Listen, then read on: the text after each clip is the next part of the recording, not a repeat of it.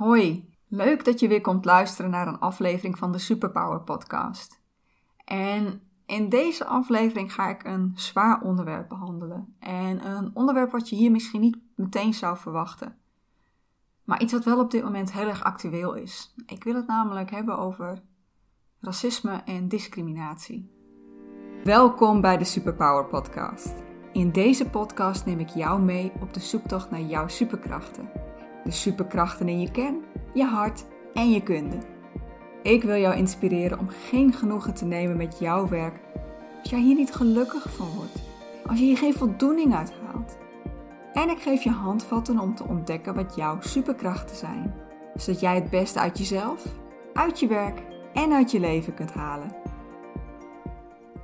Ik heb er heel erg aan getwijfeld of dit een onderwerp was wat ik hier moest behandelen. En daarvoor had ik een aantal redenen. Uh, ten eerste omdat ik niet het idee wil geven dat ik uh, dit zware onderwerp wil misbruiken om mijn podcast meer de lucht in te krijgen, om meer luisteraars te krijgen. Maar daartegenover stond weer een hele andere reden, een tweede reden. Namelijk, wie bereik ik hier nou mee? Ik moet eerlijk zijn, op dit moment heb ik als startende podcast nog maar een handjevol luisteraars. Uh, dus ja, wie luistert er nou mee? Maar toen ging ik nadenken, hoe graag we dit ook willen oplossen, dit is niet iets wat we in een paar weken voor elkaar gaan, gaan krijgen. We gaan niet in een paar weken alle misstanden en alle vooroordelen uit de weg ruimen.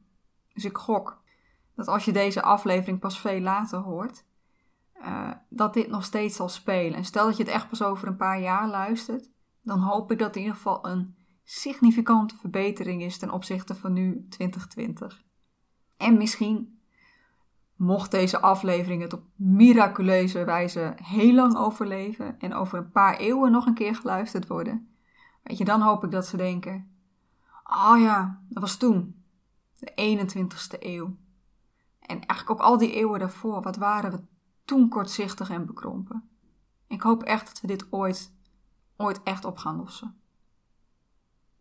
en de derde reden, dat was dat ik me eigenlijk ook wel even afvroeg van, past het onderwerp wel in deze podcast? En honestly, ik denk juist van wel. Ik sta voor de superkrachten in ieder mens. En die heeft iedereen, daar heeft huidskleur helemaal geen invloed op. Maar de manier waarop we momenteel met elkaar omgaan, weet je, dat zorgt ervoor dat heel veel mensen niet eens in die superkrachten kunnen groeien. Dat ze ze niet eens kunnen laten zien. Maar voordat ik deze podcast ja, oprecht kan geven, vind ik wel dat ik eerst zelf door het stof moet gaan. Want voordat het verhaal van George Floyd naar Nederland kwam, was ik er helemaal niet zo mee bezig. En ja, wat er met George Floyd is gebeurd, is ook niet de eerste keer. En toch. Het was, het was niet alsof ik me bewust blind hield, uh, maar het leefde gewoon niet in mijn wereld. En ja, dat kan. En dat is misschien iets waar ik me eerder schuldig over zou moeten voelen, is dat ik er ook niet naar op zoek ging. De hele Zwarte Pieten discussie, daar heb ik me altijd ver uit de buurt gehouden. Ik heb geen kinderen ik vier geen Sinterklaas, dus het was, het was eigenlijk een ver van mijn bedshow. Maar ik ging ook niet onderzoeken wat erachter ligt en wat er allemaal speelt. En ik denk dat ik me ook nooit heb gerealiseerd dat er zoveel gekleurde mensen zijn die in die periode opeens Zwarte Piet worden genoemd. Wat denk ik ook heeft meegespeeld, is dat daarmee een andere waarde voor mij in het gedrang kwam, een andere behoefte. Uh, namelijk de behoefte dat we met z'n allen door één deur kunnen en dat we geen stennis gaan schoppen. Ik had last van die twee groepen die tegenover elkaar stonden: de groep voor Zwarte Piet en de groep tegen Zwarte Piet. En hoewel in de groep tegen Zwarte Piet heel veel inderdaad gekleurde mensen zitten, had het, voor mijn gevoel was het wel meer een wit tegen wit ruzie. Ik wilde eigenlijk alleen maar dat we het weer met elkaar eens konden worden, eh, zodat de pais en de vrede weer terug kon keren. En dat is eigenlijk waar ik nu met corona ook het meeste last van heb. Ik ben niet bang. En ik doe wat volgens mij het beste is. Maar ik kan slecht tegen alle berichten over wie wat allemaal wel en niet verkeerd doet. En dit is geen excuus. Dit is niet iets waar ik me achter probeer te verbergen. Maar het is, het, is voor mij wel een observatie. Dus ook ik heb, ik heb weer een stukje over mezelf leren kennen. Ja, en toen kwam het nieuws deze kant op en ik zag overal oproepen dat we moeten veranderen, dat we ons uit moeten spreken. Black Lives Matter. En how to be anti-racist. En dit deed heel veel met me en niet per se positief. Want, ja eerlijk, ik schoot in de verdediging. En daarmee trapte ik in alle valkuilen die er zijn. Black Lives Matter. Ho, ho, wacht eens even. Het is toch all lives matter? Mijn leven telt toch ook mee?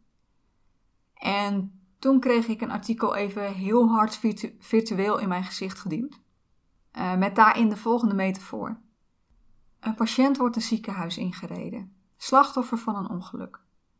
Zijn been is gebroken en ligt helemaal open. En op de rest van zijn lichaam zitten ook een aantal wondjes, schrammen, schaafplekken. En de patiënt die roept: Dokter, dokter, alsjeblieft, alsjeblieft, red mijn been. De arts zal dan echt niet zeggen: Maar uw hele lichaam is belangrijk. Daar moeten we ook naar kijken. Nee, tuurlijk niet. Dat been is op dat moment het allerbelangrijkste en daar moet eerst naar gekeken worden. En dat is wat hier nu ook speelt. Tuurlijk, alle levens doen ertoe. Eh, maar het is nu eerst belangrijk om te kijken naar hoe we de situatie van onze, onze gekleurde medemens kunnen verbeteren. En als we daarmee een aantal andere groepen die het ook zwaar hebben meteen mee kunnen nemen, en dan denk ik aan de LGBTQ community, dan is dat mooi meegenomen. Maar heel veel andere levens, ook als die ook een beetje zijn geschonden, weet je, dat, dat zijn eigenlijk niet meer dan die schrammen en die schaafwonden op dat lichaam. En daar kunnen we later naar kijken. Een andere gedachte die opspeelde was: maar ik ben een vrouw. Er is ook nog zoiets als gender inequality. En wij hebben ook minder kansen op de werkvloer en met dat hele mooie glazen plafond. Ja, en de inkomenskloof. Who is me? Onzin. Nee, ik, ik, ik ontken niet dat dit niet waar is. Ik, ik ontken niet dat dit niet bestaat. Maar het is wel weer te vergelijken met die schrammen en die schaafwonden uit de metafoor. En ik mag het al helemaal niet als een excuus gebruiken. Want hoewel ik een vrouw ben, heb ik alle kansen gekregen en kunnen benutten die je maar kan wensen. En daarmee wil ik de problemen die anderen hier misschien door hebben niet bagatelliseren. Maar voor mij, ja, dit was een bord voor mijn kop waar ik me gewoon achter wilde verschuilen. Puur om me weer afzijdig te kunnen houden. Nou, deze eerste twee waren al pijnlijk om onder ogen te komen, uh, maar de derde vond ik nog pijnlijker. En dat was de uitspraak dat als je je niet uitsprak tegen racisme, je eigenlijk zelf ook racist bent. En die kwam binnen, want ik zie mezelf totaal niet als racist. Ik zou juist willen dat we iedereen konden accepteren voor wie hij of zij is. En hoewel ik me niet voor kan stellen dat ik mijn mond niet open zou trekken als ik een verkeerde opmerking in mijn buurt zou horen, misschien ook even zou overwegen van, is dit voor mij veilig of niet? Ik had net ook tegen mezelf toegegeven dat ik me er nog niet in had gemengd. Dus was ik inderdaad misschien wel net zo erg. Was ik dan ook niet stiekem een beetje racistisch? Dit heeft me allemaal best geraakt. Corona kon ik nog een beetje buiten de deur houden. Dat, dat zei niet over mij, over wie ik was als persoon. Maar deze wel. En ja, ik moest mezelf echt in de spiegel kijken. Nou, ik wil me nu wel richten op hoe dit in Nederland is. En daarbij moet ik eerlijk zeggen, ik ken ook niet alle cijfers. Uh, en het is nu misschien een gebeurtenis in de VS eh, waar iedereen het nu over heeft, waardoor dit ook voor ons uh, nu op ons netvlies komt. Maar door het steeds te hebben over de VS, dan plaatsen we het buiten onszelf. Want we kunnen wel met ons vingertje wijzen naar dat boze Amerika, maar dan, dan houden we ons blind voor wat hier speelt. En hier speelt het ook echt. Ik heb zelf het nieuws niet tot nauwelijks gevolgd. Ik heb niet het gevoel dat ik via het nieuws een goed en volledig beeld krijg. En ik ben vooral de verhalen gaan lezen van mensen die ik tegenkwam op social media. Mensen die hier zelf ervaring mee hebben. En die verhalen raakten me en die lieten me zien hoe onzichtbaar racisme en discriminatie kan zijn. Uh, ik vind racisme echt een heel lelijk woord. En ik merk dat ik misschien ook andere woorden in deze podcast gebruik die we eigenlijk uit onze vocabulaire zouden moeten schrappen. Maar voor de duidelijkheid gebruik ik ze hier toch wel. Ja, ja, racisme, ik zou hem echt liever niet gebruiken. En ik denk ook niet dat we het in Nederland bijvoorbeeld over rassen hebben. Maar racisme is nou eenmaal het woord waar we het aan herkennen. Het beoordelen of veroordelen van iemand op, de, op basis van de kleur van zijn of haar huid. Bij racisme denken we meestal aan keiharde uitsluiting. Aan het uitschelden van mensen op straat. Het heel hard roepen: ga terug naar je eigen land. Geweldsincidenten. Maar het kan veel subtieler zijn dan dat. Het kan in kleine, vriendelijk bedoelde opmerkingen zitten, zoals: Goh, jij spreekt goed Nederlands, zeg. Of voor een, vul hier een etniciteit in, ben jij helemaal niet zo, vul een bepaald kenmerk in. Het kan goed bedoeld zijn, maar hierbij maken we nog steeds een verschil tussen jou en mij, op basis van, van de huidskleur. En een verschil die helemaal hier niet door veroorzaakt wordt. Iemand die in Nederland is opgegroeid spreekt over het algemeen perfect Nederlands. Tenminste, net zo goed als de gemiddelde Nederlander. En als wij naar het buitenland gaan, dan hebben wij ook een verschrikkelijk spraakgebrek. Natuurlijk was ik bekend met vooroordelen op de werkvloer. We kennen allemaal de verhalen van cv's van niet-westerse sollicitanten die minder kans maken. Minder kans dan die van de autochtone Nederlander. Maar het begint al veel eerder dan dat. Het begint al op school, uh, waar ten eerste regelmatig pesten voorkomt. En ja, daar wordt huidskleur natuurlijk vaak, vaak in meegenomen. Ik ben zelf ook gepest, niet op basis van huidskleur, op, op andere dingen. Maar het minderwaardigheidsgevoel dat dit geeft. Stel je voor dat je je minder voelt puur om de kleur van je huid. En de schade die dit kan geven in hoe zelfverzekerd je de wereld ingaat. En het is niet alleen pesten. Kinderen met een andere huidskleur worden vaak ook onderschat. Donkere kinderen worden vaak voor dommer aangezien, weet je, vergelijkbaar met alle Aziatische kinderen die allemaal wel goed moeten zijn in wiskunde. Pure onzin. Hoe intelligent je bent en waar je goed in bent, dat wordt niet bepaald door jouw huidskleur. Dit is zo verschrikkelijk een statische mindset. Ja, het kan zijn dat dit een nieuwe term voor je is, want ik heb hem nog niet eerder in een podcast gebruikt. Maar uh, de statische mindset komt erop neer dat je gelooft dat mensen worden geboren met bepaalde eigenschappen en dat je daar nooit veel beter in zult worden. Het is het typische, ja, je hebt het of je hebt het niet. Dus dan zit je dan aan het einde van de basisschool en hoewel je, ja, je net zo goed presteert als de andere witte klasgenoten, krijg je toch een veel lager studieadvies. Volgens mij zijn veel kinderen dan al voor hun leven getekend. Ze leven al in de overtuiging dat zij minder waard zijn dan de rest. Dat zij minder kunnen. En dat terwijl ze net zo goed presteren. Probeer dat maar weer eens recht te trekken.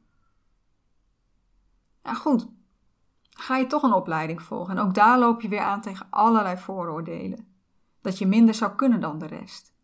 En misschien wordt er ook wel eens een leuk grapje gemaakt. Want ja, grapje moet kunnen toch? Helemaal niet racistisch bedoeld. Na aan het eind van je opleiding moet je stage gaan lopen. En hoewel ik niet weet hoeveel van de witte studenten dit wel lukt, maar het blijkt in ieder geval dat meer dan de helft van alle niet-westerse studenten niet in één keer een stageplek krijgt. Dat zij er meer moeite voor moeten doen om die plek te vinden waar ze ook echt af kunnen studeren. Eigenlijk komt het erop neer dat zij veel meer moeten laten zien dan de witte medemens. Dat zij beter moeten presteren om toch hetzelfde resultaat te bereiken. En dit is ook wat ik teruglas in de verhalen die ik tegenkwam op social media. Dat dit eigenlijk al met de paplepel ingegoten wordt. Dat, dat, dat ze dit eigenlijk wordt geleerd uh, door hun ouders.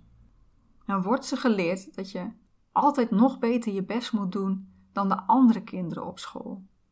Omdat je anders niet meetelt. En dit, dit, dit doet me echt, echt pijn. En ik zit nu letterlijk met met tranen in de ogen. Ik vind het verschrikkelijk dat, dat, dat ik dit nooit heb gezien.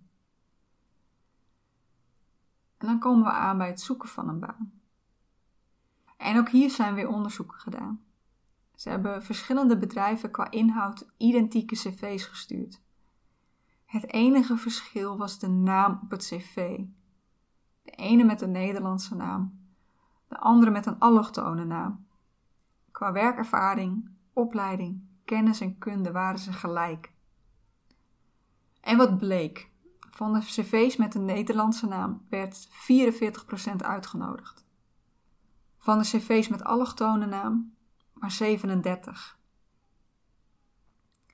En ik heb zelfs nog onderzoeken langs zien komen waar het nog verder uit elkaar lag. En dit is dus alleen op basis van naam, hè? Een naam. Wat, wat de. Ze hebben het zelfs nog erger gemaakt. Ze hebben hetzelfde gedaan, maar dan ook met cv's waar de Nederlander een strafblad had. En het bleek dat de autochtone Nederlander met op zijn strafblad een geweldsdelict veel vaker werd uitgenodigd dan de allochtone sollicitant zonder strafblad. En weer met geen verschil in kennis en kunde. Het is volgens mij zelfs zo dat een cv uh, met een allochtone naam, dat die zelfs al scoort die beter, dat hij nog steeds minder kans heeft om uitgenodigd te worden dan die met de Nederlandse naam. Ik weet niet of dit altijd bewust is. En ik hoop het eerlijk gezegd van niet. Maar zelfs als het niet bewust is, maakt dat het niet minder erg. Dat betekent dat er zoveel vooroordelen, zoveel overtuigingen bij ons ingebakken zitten. Weet je, dat, dat die ongemerkt worden getriggerd. En onze overtuigingen worden gevormd tijdens ons leven. Door de boodschappen die we krijgen van de mensen om ons heen. Eh, door ervaringen die we zelf meemaken. En als wij altijd tussen de regels door hebben meegekregen dat mensen met een donkere huidskleur anders zijn, dommer zijn, onbetrouwbaarder zijn, criminelen zijn, geweld, geweld, gewelddadiger zijn, dan zijn wij dat ook onbewust gaan geloven. En dan is dat onbewust de eerste gedachte die bij je opkomt als je geconfronteerd wordt met iemand met een andere huidskleur. En overtuigingen en vooroordelen hebben we allemaal. Ik ga nu niet opeens het heilige boontje uithangen en beweren dat ik perfect ben dat ik daar totaal geen last van heb. Tuurlijk niet. Ik heb ook boodschappen meegekregen op school, van mijn ouders, uit de media. Want dat is er ook weer zo een, hè? Elke keer als er iets gewelddadigs gebeurt en hier is iemand met kleur bij betrokken, dan wordt dat er altijd uitgelicht. Dat is wat je hoort. Dat is wat je leest. Maar is het iets wat een witte man of vrouw doet, dan, dan wordt dat er niet expliciet bij vermeld. Vind je het raar dat we, dat we te maken hebben met die overtuigingen en die vooroordelen? Nou, ik zal je uit een droom helpen. Als jij er inderdaad heilig van overtuigd bent dat vooral buitenlandse mensen dit doen. Elke groep, in welke groep je iemand ook wilt stoppen, heeft rotte appels en peren. Het enige wat ik me eventueel nog voor kan stellen is dat ja, een deel ervan de verkeerde kant op is gegaan, omdat ze überhaupt nooit een eerlijke kans hebben gekregen. Goed, overtuigingen en vooroordelen. Zoals ik zei, we hebben ze allemaal. Ik ook. Onze vooroordelen en overtuigingen die komen voort uit angst. Vroeger, toen we nog in stammen leefden, was, ja, was dat goed voor je overleving. Uh, om, het was goed om mensen uit een andere stam niet per definitie te vertrouwen. Want ze zouden van je kunnen stelen, of erger nog, ze zouden jou en je stamgenoten om het leven kunnen brengen. Het zit in onze aard om bang te zijn voor dat wat we niet kennen, voor dat wat anders is. Maar dat keurt het nog niet goed dat we dan per definitie hele groepen mensen geen kans willen geven. Wat de afgelopen weken met mij heeft gedaan, is dat ik me veel bewuster ben geworden van de eerste gedachte die ik heb als ik iemand tegenkom. En dat is denk ik waar het begint: bewustwording. Bewustwording is de start van verandering. En ik wil jou dan ook oproepen om jezelf bewust te worden van jouw vooroordelen. De gedachten die jij tegenkomt als jij iemand tegenkomt die anders is dan jij. Een andere kleur of iemand met een andere seksuele voorkeur. Of een ander geslacht. Andere leeftijd, want hoe vaak hebben we het wel niet over die oudjes en die millennials? Ik zie mezelf als iemand die open staat voor anderen. Maar ik heb, ik heb geleerd dat daar voor mij ook nog werk aan de winkel is. Absoluut. En dat is wel even een hele pijnlijke realisatie. Maar pijn. Pijn hoort bij groei. En, en ik hoop dat jij bereid bent om, om met mij mee te groeien. En verschuil je dan niet achter het argument, maar wat kan ik nou doen? Of stel, stel dat je dit net zo hard raakt als dat het mij heeft geraakt, dat je je nu opeens schuldig gaat voelen. Want heel eerlijk gezegd, dat was ook een reactie voor mij. Ik begon me schuldig te voelen omdat ik die witte vrouw ben die het altijd maar makkelijk heeft gehad. Maar ik kan me nu schuldig gaan voelen om mijn huidskleur, maar dan doe ik eigenlijk hetzelfde wat we, eigenlijk, wat we ook doen als wij vooroordelen hebben over mensen met een andere huidskleur. Ik kan er niks aan doen dat ik in deze wereld ben geboren, dat ik met deze huidskleur ter wereld ben gekomen, dat ik ben geboren in Nederland, waar ik alle kansen heb gekregen die je kan krijgen. Ik kan alleen maar dankbaar zijn voor alle kansen die ik heb gekregen. En wat ik nu kan zijn is een stem. Een, een, een stem die hopelijk mede verantwoordelijk kan zijn voor het geven van deze kansen aan iedereen.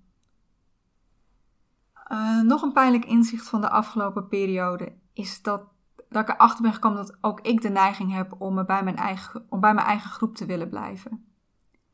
En dat is niet omdat ik bang ben voor een andere groep, maar dat ik bang ben dat ik iets verkeerds doe. Dat ik de ander niet zal begrijpen. En dat, dat is natuurlijk iets wat heel goed kan gebeuren, want ik ken mijn eigen wereldje. Maar ik ken niet de wereld van iedereen. Maar ik, ja, eigenlijk wil ik dit wel heel graag. Ik zou heel graag de, de levensverhalen van anderen willen horen. Naar, naar wat je hebt meegemaakt als je hier niet bent opgegroeid. Of naar wat je hebt meegemaakt hier in Nederland, bijvoorbeeld met racisme en discriminatie. Of wat je hebt meegemaakt als je niet valt onder ja, de saaie gemiddelde Nederlander. Ik wil heel graag nog beter leren begrijpen. En ik, ik weet dat dit waarschijnlijk een roep in de stilte gaat zijn. Maar als jij dat verhaal graag wilt delen, dan zou ik het heel fijn vinden als je die met mij wilt delen. Als dat zo is, stuur me dan een berichtje via een van de social media kanalen waar je mij bent tegengekomen of mijn website, e-mail, uh, waar je me ook maar kunt vinden. Dankjewel. En dan, dan wil ik nu afsluiten met het volgende. Ik ben ervan overtuigd dat we allemaal mensen zijn. Met onze eigen behoeften, onze eigen verlangens, onze eigen kwaliteiten, onze eigen dromen. En kleur maakt daarin geen verschil. En nee, we zijn niet allemaal gelijk. Gelukkig maar, want wat zou dat saai zijn? Wij zijn allemaal op onze eigen manier uniek, met onze eigen superkrachten. Twijfel daar nooit aan. Dank je voor je tijd en aandacht. Tot de volgende keer.